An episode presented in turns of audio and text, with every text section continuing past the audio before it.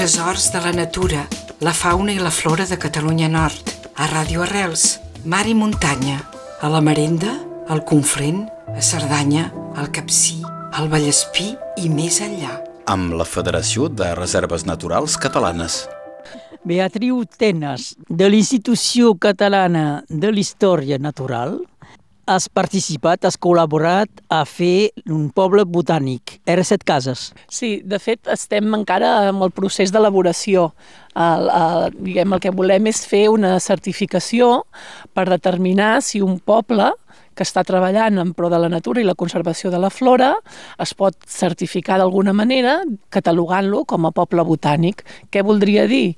Voldria dir doncs, que és un poble que està treballant doncs, per donar a conèixer la flora que té, per treballar des d'un punt de vista de, de coneixement dels valors botànics de, del poble, fer que tingui catàlegs doncs, de diferents àmbits de treball, de les flors, dels, de les molses, de diferents àmbits de, de, de, de recerca i de coneixement.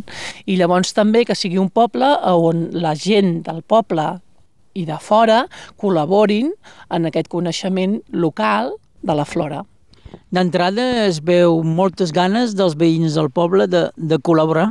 Sí, el que passa és que, bueno, suposo que com tot, els pobles petits, sobretot aquests pobles de muntanya, a vegades la gent que més engrescada està són aquells que venen de fora, i llavors nosaltres en aquest cas, eh, bueno, doncs hem fet diferents activitats, una oberta a tothom, en la que ha participat, doncs això, gent de segones residències principalment, o turistes, i després també hem fet activitats específiques perquè la gent del poble, sobretot en aquest cas, els nens, s'impliquin en aquest coneixement de la flora són nens de, de poble, de muntanya, eh, però és una descoberta per, ella, per ells la, la flora? Jo crec que la flora en si no tant, però sí que ha estat divertit el fet aquest de relacionar eh, diverses generacions, no? I que el coneixement que tenen els seus avis i àvies en, en, en fer doncs, diferents uh, usos de les plantes medicinals o culinaris hagi pogut doncs, això, no? ells els hi preguntes i que els avis i les àvies responguessin amb, amb, amb, amb, amb respostes i amb passejos i amb aquest intercanvi de, doncs, de coneixement entre generacions. Ha estat molt divertit. I tens la impressió que ara els nens ho, i les nines ho, ho faran servir?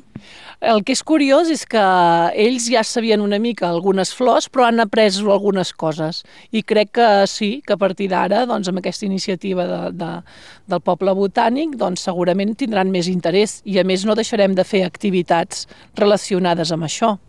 Això obre també una xarxa amb altres pobles? Sí, la idea és que aquesta, diguéssim, certificació que volem fer, és a dir, que un, un poble compleixi amb, el, amb uns quants requisits que des del Florarab establirem, es pugui fer una, una xarxa a tot el Pirineu de pobles botànics. Per això diem pobles botànics del Pirineu. I pot ser una ruta? Podria ser, per què no? Com un resultat del Floralab doncs es podria plantejar un itinerari per anar a veure cada un d'aquests pobles i quina, quins valors naturals té i sobretot de flora. Sí, sí, sí, podria ser una opció. Per què no? Beatriz Tenes, moltes gràcies. A vosaltres, adeu.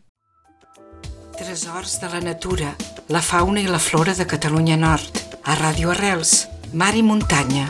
A la Marenda, al Conflent, a Cerdanya, al Capcí, al Vallespí i més enllà. Amb la Federació de Reserves Naturals Catalanes.